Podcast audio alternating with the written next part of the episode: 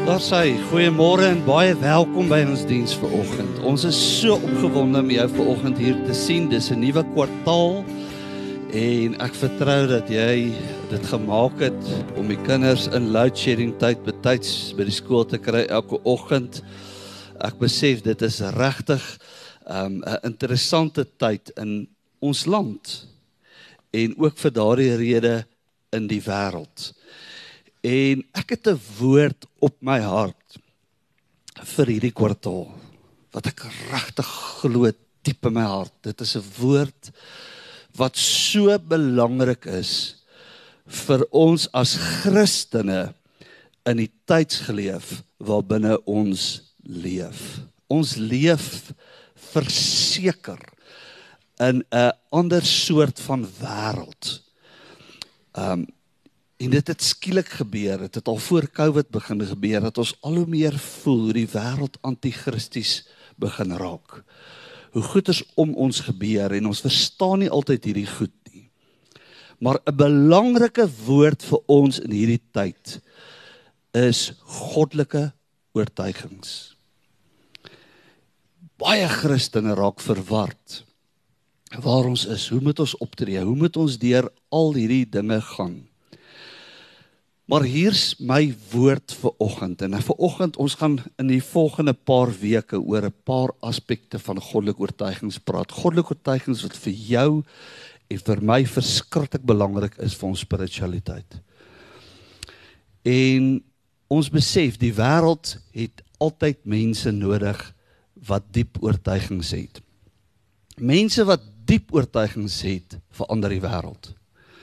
Dis nie mense sonder oortuiging wat 'n verskil maak nie. Dis mense met diep oortuigings verander die wêreld. Dit is die mense wat bereid is om te ly, om te wag, om te volhard. Hulle is die mense wat die wêreld verander.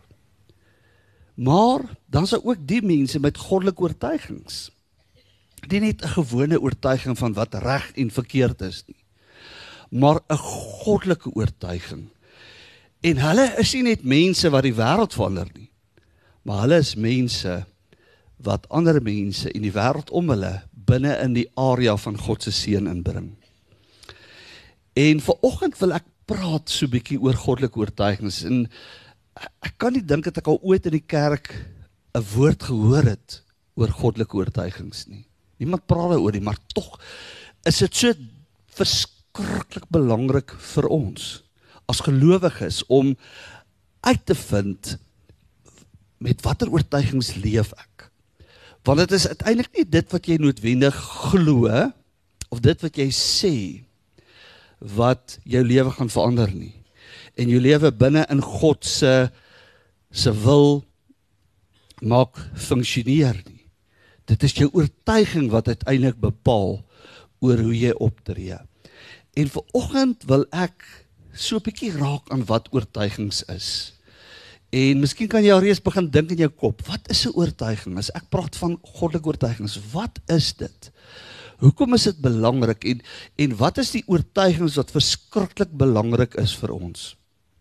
Nou goddelike oortuigings, as jy nog nooit daaraan gedink het nie, is iets is die manier hoe jy tot bekering gekom het en tot by Jesus gekom het. Die Bybel sê die Heilige Gees het gekom om ons te oortuig. Dis 'n werk van die Heilige Gees om mense tot oortuiging te bring. En dan is dit 'n diep oortuiging wat ons verder vat op ons reis met Christus, want die waarheid is jy kan nie Christus aanvaar sonder dat jy oortuig is dat hy die seun van God is, dat hy jou verlosser is, dat hy die enigste een is wat jou kan red nie. Dis slegs die oortuiging van die Heilige Gees. So jou geloof begin by oortuiging. Maar uiteindelik is die oortuigings van jou lewe en kom ons sê dan goddelike oortuigings is dit wat 'n krag word wat jou deur jou lewe neem om op te staan in tye van konflik en uiteindelik is oortuiging iets wat jy na jou bestemming toe neem. Nou ek wil begin vir oggend hierdie reeks boodskappe. As julle gesien het op die advertensietjies daar mooi skrif van Paulus sekerlik die belangrikste persoon in die Bybel na Jesus wat dit kon regkry om 'n wêreld te verander. En een van die groot redes hoekom ons vandag hier sit is omdat Jesus Paulus ontmoet het op die pad na Damaskus toe. En Paulus het 'n hart gehad vir mense wat nie Jode was nie. En hy het die evangelie aan die nie-Joodse gelowiges verkondig. En deel van Paulus se hart is die feit dat ons hier sit. As as daar nie iemand was soos Paulus in die Bybel nie, dan was die evangelie net daar in Jerusalem, want dit is waar die eerste kerk begin het en dis waar die eerste kerk sou gebly het. Maar dit was Paulus gewees wat gesê het ons moet hierdie goeie nuus aan ander mense vertel wat nie Jode is nie. En en hy het 'n ongelooflike verskil in die wêreld gemaak. Jy weet, uh Bybelkenners beweer dat Paulus het 1000 km per voet afgelê om die evangelie te verkondig. How's that? 16000 km per voet afgelê. En en op 'n stadium skryf Paulus hierdie woorde en ek wil dit so in jou hart in bære. Hy sê om hierdie rede lei ek hierdie dinge. Maar ek skaam my nie want ek weet in wie ek geglo het en ek is oortuig dat hy die mag het om my pand te bewaar tot die dag toe. Ek is oortuig. En daar kom iets na vore van Paulus se oortuiging. Die die krag in sy lewe wat losgekom het weens sy oortuiging om wat gemaak het dat die evangelie aan die hele wêreld kan verkondig. Wat is oortuiging? En Josh McDowell het 'n pragtige ding gesê oor oortuiging en ek wil dit vir jou lees. Hy sê 'n oortuiging is om deeglik oortuig te wees dat Christus en sy woord die waarheid is waarop jy reageer ongeag van die gevolge daarvan. So oortuiging is iets waarvoor jy staan rondom Christus sy woord, die waarheid. Maak nie saak wat dit jou kos nie. Dis deel van ons geloof nie, maar is 'n dieper vorm van geloof. En baie keer het mense geloof nie. Toe Petrus die aand vir Jesus sê, "Here, as U doodgaan, ek sal saam met U in die gevangenis ingaan, ek sal saam met U sterwe." Hy het dit diep geglo, nê. En hy het dit bely, maar die oomblik toe Jesus gevangene geneem is en Petrus moes opstaan vir dit waarna hy glo, weens oortuiging, kon hy dit nie regkry nie. En so is dit 'n gevaar dat ons baie keer dinge bely en glo, maar waarop ons nie bereid is om te reageer nie. Dit is nie 'n oortuiging nie. 'n Oortuiging is 'n dieper vorm van geloof wat getoets word wanneer ons in konfliksituasies is, wanneer ons uitdagings beleef, wanneer ons moet opstaan vir ons geloof. En daarom is oortuiging verskriklik belangrik vir ons as gelowiges om seker te maak dat die goed wat jy glo nie net sommer goed is wat gerieflik is om te glo nie want baie keer is dit net maklik om te glo dis gerieflik om te glo. Ons beweeg saam met die stroom en weens groepsdruk bely en glo ons sekere goed. Maar oortuiging is die ding wat maak dat maak nie saak of 'n groep mense in 'n ander rigting beweeg nie. Ek staan op vir dit wat ek glo. Um, 'n oortuiging is iets wat 'n optrede veroorsaak. Dit is wie ons eintlik is. Dit is ons karakter. Dit word deel van ons karakter. So maak nie saak wat die omstandighede is nie, ek is bereid om op te staan. En sekerlik die belangrikste ding van oortuiging is dit bepaal jou bestemming. Dis nie wat jy glo wat jou bestemming bepaal nie. Dit is jou oortuiging wat jou na jou bestemming toe neem. So oortuiging is verskriklik belangrik. En as jy net vir 'n oomblik stil staan en dink aan watter rol oortuiging in die Bybel gespeel het. Ons dink aan Abraham, maanaanbidder. En hy terwyl hy die maan aanbid, oortuig geraak van dat daar 'n God is en dat God die beloner is van die wat hom glo. En hy het uit er uitgetrek uh in moeilike omstandighede sy familie ingeforseer in 'n woestyn in omdat hy oortuiging gehad het. Josef in Genesis. Hoe Josef nee kon sê vir Potifar se vrou en in 'n tronk sy tyd kan gaan deurbring omdat hy oortuig is van wie God is. Dink aan Dawid wat vir Goliat kon uitdaag. Hoekom? Omdat hy oortuig was. Hy was oortuig dat God gaan saam met hom werk. Dink aan Daniël wat bly bid het nadat die koning gesê het moenie bid nie. En die ou wat bid gaan in 'n leeukuil ingegooi word. Daniël het steeds bly bid omdat hy oortuig was. Dink aan Johannes en Petrus wat in Handelinge dink is Handelinge 4 waar hulle deur die Joodse Sanhedrin beveel is en geslaan is om nie Jesus Christus te verkondig nie en hulle het, hulle het gesê ons moet aan God meer gehoorsaam wees as mense. So dit was oortuiging wat hulle geforseer het. Dit was 'n oortuiging wat gemaak het dat Paulus bereid was om die prys te betaal en die skaam te wees vir die evangelie van vrede en want hy glo in die werklikheid van 'n God in sy lewe en in sy wêreld. En in die wêreld waarin ons lewe En ek sê dit ver oggend met groot versigtigheid en gee vir my 'n sambreel van genade vir oggend. Maar dit voel vir my of die wêreld waarin ons lewe is die wêreld vyhandig teen goddelike oortuigings. Dit voel so. Gereeld beleef ons en hoor ons hoe gelowige mense aangeval word oor hulle oortuigings. Omdat ons in die woord glo. Jy weet toe eh, die CRL begin het in Suid-Afrika en dit was daai spesiale kommissie wat die regering aangestel het. Moes jy gehoor het wat se wetgewing wou hulle gepromoveer het? Onder andere wou hulle wetgewing promoveer wat wat kerke beperk tot in geestelike ruimte. So kerke mag nie meer in die openbare omgewing beweeg nie. Um hulle wou hulle wou wette instel wat as 'n predikant iets verkondig wat mense laat skuldig voel dan kan daai predikant tot 3 jaar tronkstraf kry. Dit was van die wette wat hulle gepromoveer het. Hulle wou gehad het dat die staat moet die oorsig taak oor kerke hê. En hulle het Hulle het goeie verskonings gehad op daardie stadium. Hulle verskonings was goeters ja, maar die doom prediker en die die weet die die ou wat doom gespuit het op sy lidmate as 'n soort van 'n geestelike aksie en die predikant, die pastoor wat daar in uh Soshanguve of iewers mense laat slange eet het. Maar wat hulle nie gesê het vir mense nie is dit is twee gevalle van duisende kerke wat in Suid-Afrika, honderdduisende kerke wat in Suid-Afrika bestaan hulle daai goeders gebruik om die kerk te probeer beheer. Een van die wette wat hulle wou gepromoveer het is dat ons mag nie kerk hou hier as die regering nie toestemming gee vir ons om kerk te hou nie.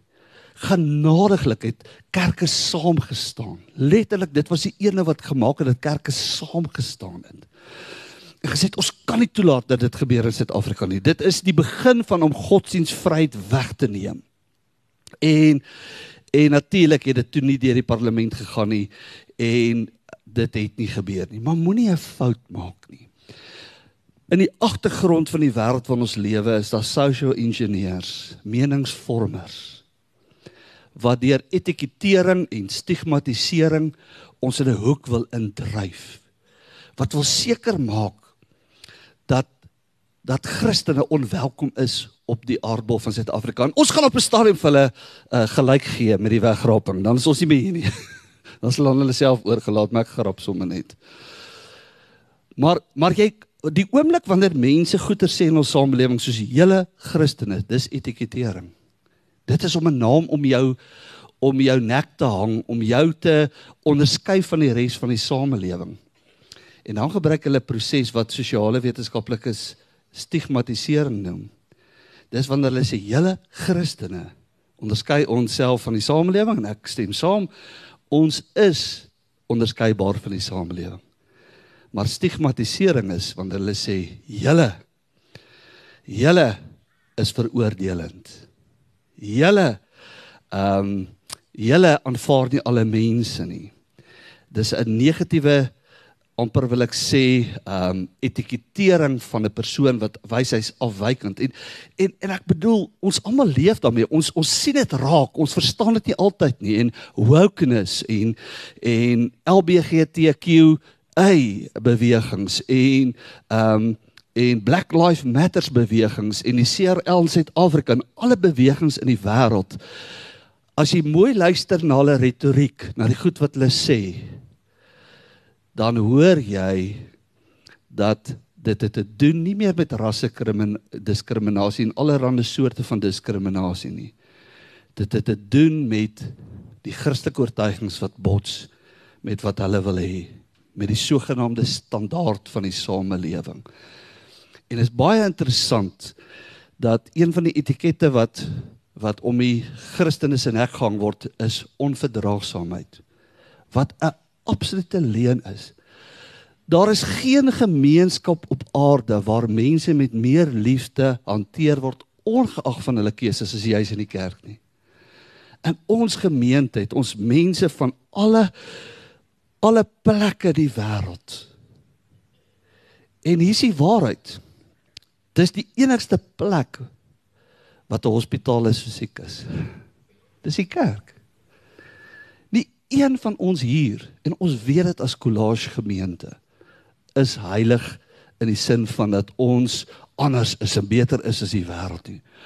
Ons almal in hierdie gemeente erken die feit dat ons sondaars is en dat ons Christus nodig het. En ons arms is oop vir mense van wat gebroken is, wat stikkend is, wat sondig is. Daar's geen onverdraagsaamheid in hierdie geloofsgemeenskap nie. Maar vir my verskriklik interessant dat die wat beweer dat hulle die verdraagsaamste mense in die samelewing is, is die mense wat onverdraagsaam is teen Christelike waardes en Christelike oortuigings. En as Christene moet ons onsself laat intimideer deur die druk van wat in die wêreld aangaan nie. Ons moet altyd onthou, ons moet nooit vergeet nie dat ons leef nog altyd in dieselfde wêreld as wat selfs Daniël Sadrag Mesig en Abednego in Babilonie geleef het. Waar ons oortuigings altyd uitgedaag sal word deur die anti-kristiese beweging in die wêreld en die mense wat God haat. Um en agter dit alles sit die duiwel, nê. Nee.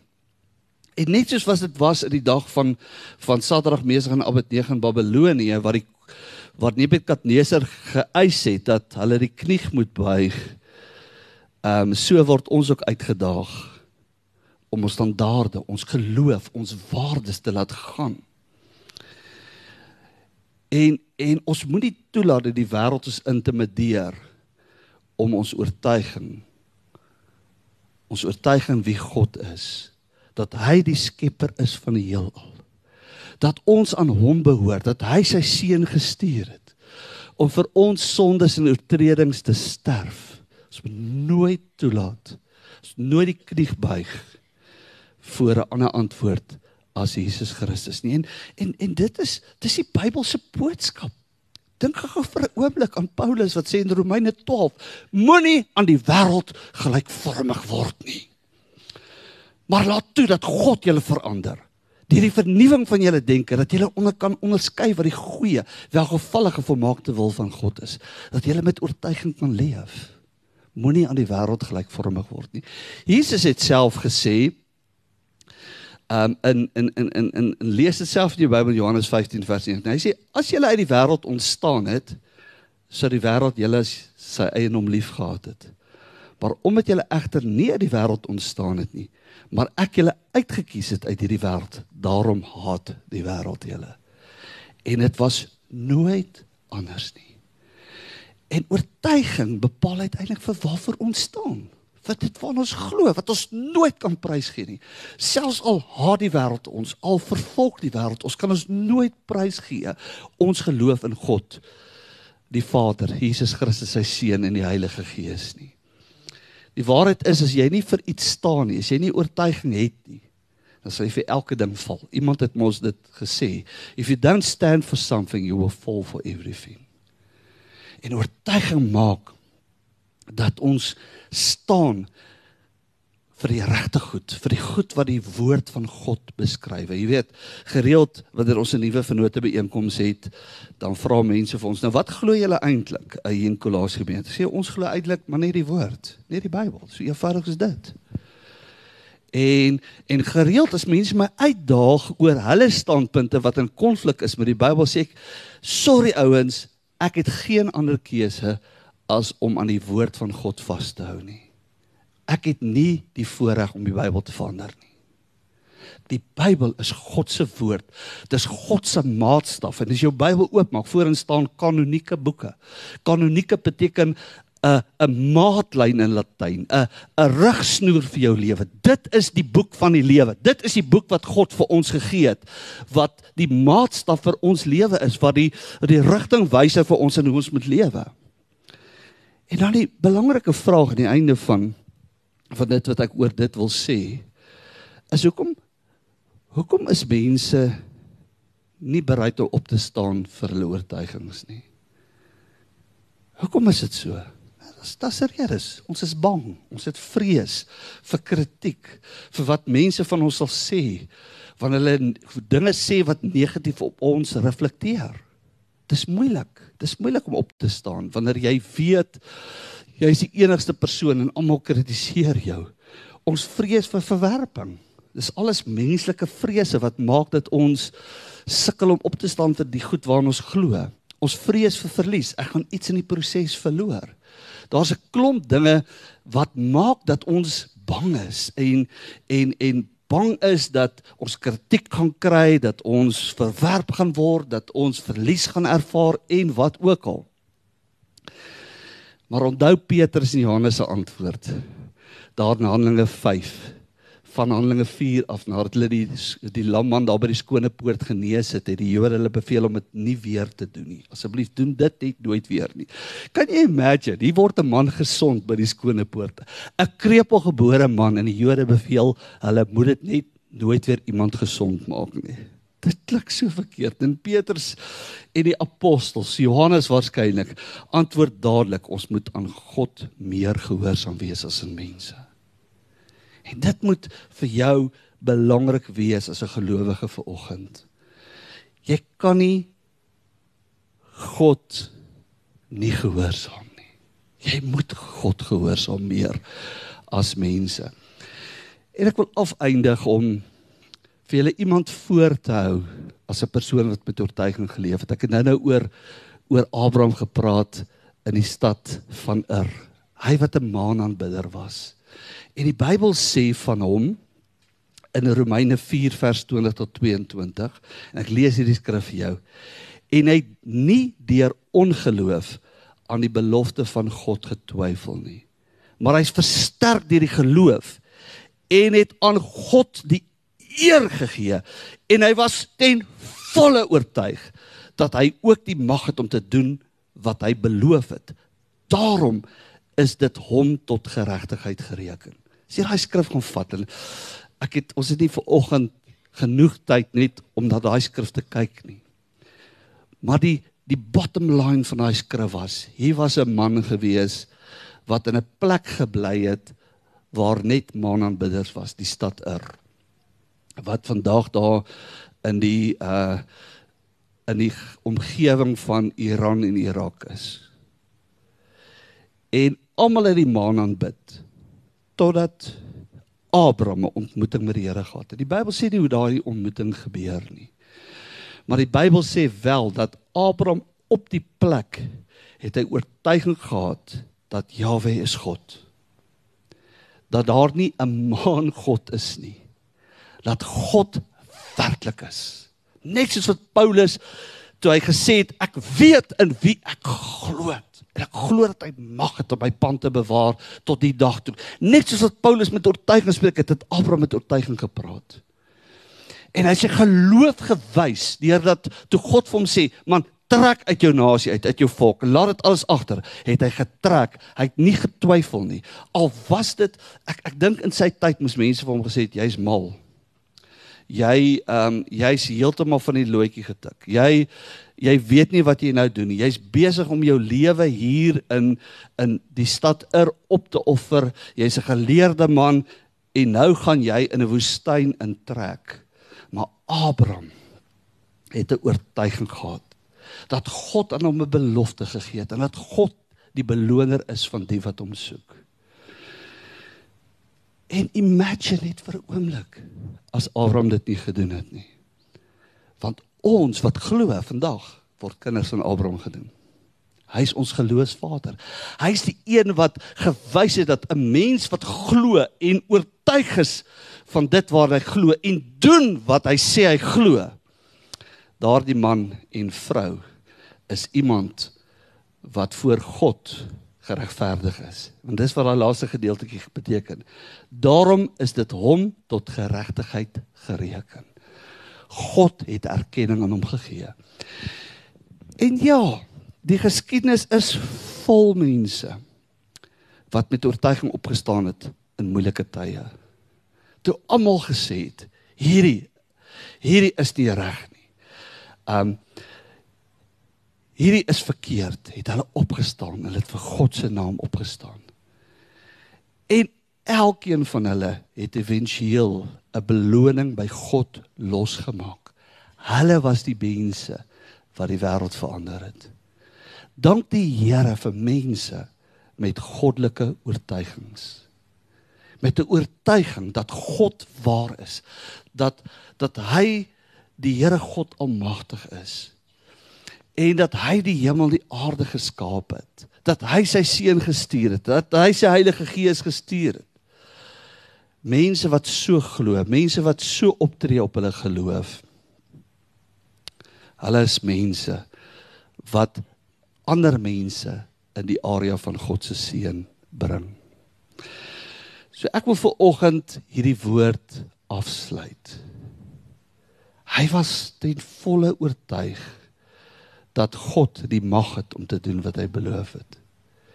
En vir oggend wonder jy dalk nadat ek hierdie boodskap gebring het oor jou eie oortuiging. Wonder jy wat is die goed waarvan jy regtig oortuig is? Waarvoor jy bereid is om na 'n leeukuil toe te gaan of na 'n 'n brandoom toe te gaan? Jy weet, hoor vir Sadrag Mesig en Abednego en David gaan die einde van die maand gaan hy bietjie oor Sadrag Mesig en Abednego preek. Dis een van die ongelooflikste verhale wat in Babilonie afspeel waar hierdie drie ouens sê ons sal nie voor jou buig nie. En al gooi jy ons in 'n vuuroond en die Here haal ons nie daar uit nie, sal ons nie voor jou buig nie, want ons is oortuig, ons buig vir niemand behalwe God nie. Hierdie is vir ons absolute voorbeeld. Waarvoor is jy bereid om te staan? En selfs te sterf? As Christene moet ons goddelike oortuiging sê. Goeters wat ons sê hierdie is ononderhandelbaar. Ek is nie bereid om dit prys te gee nie dit moet oorsigbaar wees in jou lewe. Dis nie asof Abraham net geglo het en 'n oortuiging gehad het nie. Hy het gedoen wat God vir hom gesê het en daarom is dit hom tot geregtigheid gereken. Wat is jou oortuiging? Is jy ook soos Petrus wat sê ons moet aan God meer gehoorsaam wees as aan mense? Ek glo in die tyd waarin ons leef in die toekoms gaan dit meer en meer belangrik word vir ons as gelowiges om op te staan vir die goed waarna ons glo. En dit is oortuiging. En ek wil bid dat jy in jou huis sal opstaan vir die goed waarvoor jy glo. Jy weet baie keer en ek het baie te doen met met ouers my kom sien. Nou gaan amper nie 'n week omdat ek nie met ouers praat wat 'n krisis het in hulle huise met hulle tieners of met hulle kinders nie. Gaan nie 'n week om nie. Maar die een ding wat ek elke keer vir ouers onderstreep. Jy is God se agent in jou huis en maak seker dat jou huis gebou is op goddelike oortuigings. En jou kinders sal vir jou sê: "Pa, maar almal al, al die ouers laat dit toe." weet ek het so gegrap. Ehm um, my seun het eendag my vertel van 'n ouer wat dit toelaat. Sê ek vir my seun, man, pak jou goedjies en gaan trek by daai oom in as hy vir jou so oulik is. Hy het natuurlik nie gedink hy ek is snaaks nie, maar hy het nie sy goedjies gepak nie. En ons het gebly in ons huis by ons goddelike oortuigings. Ons het besluit om nie toe te laat dat die wêreld en ander mense en ander mense se oortuigings en ander mense se wil en begeerte in ons huis afgeforceer word nie. En ek ek ek beloof jou, God is getrou en hy sal sorg vir die regte uitkoms in jou huis. Al voel dit op daardie oomblik vir jou of jy baie ongewild in jou huis raak. 'n Ouer moet nooit probeer om 'n vriend of 'n vriendin te wees van sy kinders nie. Jy is daar om die pa en die ma te wees van jou kinders. En jy's daar om hulle te leer wat reg is in God se oë en wat verkeerd is in God se oë. Jy's nie daar om 'n gewildheidskompetisie te slaag nie. Jy's daar deur God geplaas in jou huis om te wys die pad van die Here vir jou gesin. Amen. Ja, julle raak so stil. Ek is half bekommerd oor die goed wat ek gesê het gaan na die tyd 'n kerkadsvergadering wees en ek gaan 'n uh, afdanking kry of 'n ernstige waarskuwing. Maar ek wil vir die kerkraad sê ek is oortuig van wat ek gesê het. en ek is oortuig dat God my sal bewaar. Mense, hierdie is 'n belangrike woord. Ons moet aan God meer gehoorsaam wees as aan mense. Ek dink die uitnodiging vir oggend is vir jou en jou gesin om te gaan dink oor wat is ons goddelike oortuigings? Wat is die goed wat ononderhandelbaar is? Die goed waarvoor ons bereid sal wees om na tronk toe te gaan, in 'n in 'n vuuroond in te gaan, in 'n in 'n leeukuil in te gaan. En moenie 'n fout maak nie. Christene wat vervolg is in die geskiedenis van Christendom is nie vervolg oor dit wat hulle geglo het nie. Hulle is vervolg oor dit waarvan hulle oortuig was. Want dit wat jy van oortuig is, red jou, nie dit waarvan jy net glo nie. Dit waarvan jy oortuig is, red jou. Kom ons buig ons hoofde in gebed. Ag Here, ons lewe in 'n wêreld waarin ons baie dae nie woorde voor het nie. 'n Wêreld waarin in ons agterkom dat die geloof, die waardes, die oortuigings van Christen wees nie altyd aanvaarbaar is nie. Maar Here, ons wil nie bid net vir die wêreld dat u evangelie geopenbaar sal word in die wêreld, u goeie nuus van verlossing ook geopenbaar sal word. Maar ons wil ook bid vir elke gelowige in ons gemeente. In ons omgewing. In ons land, in ons wêreld sal opstaan vir dit waarin hulle glo. Here, die wêreld gaan nie verander omdat ons net glo nie. Die wêreld gaan verander omdat ons oortuigings het van dit wat ons glo en opstaan vir dit waaraan ons vashou.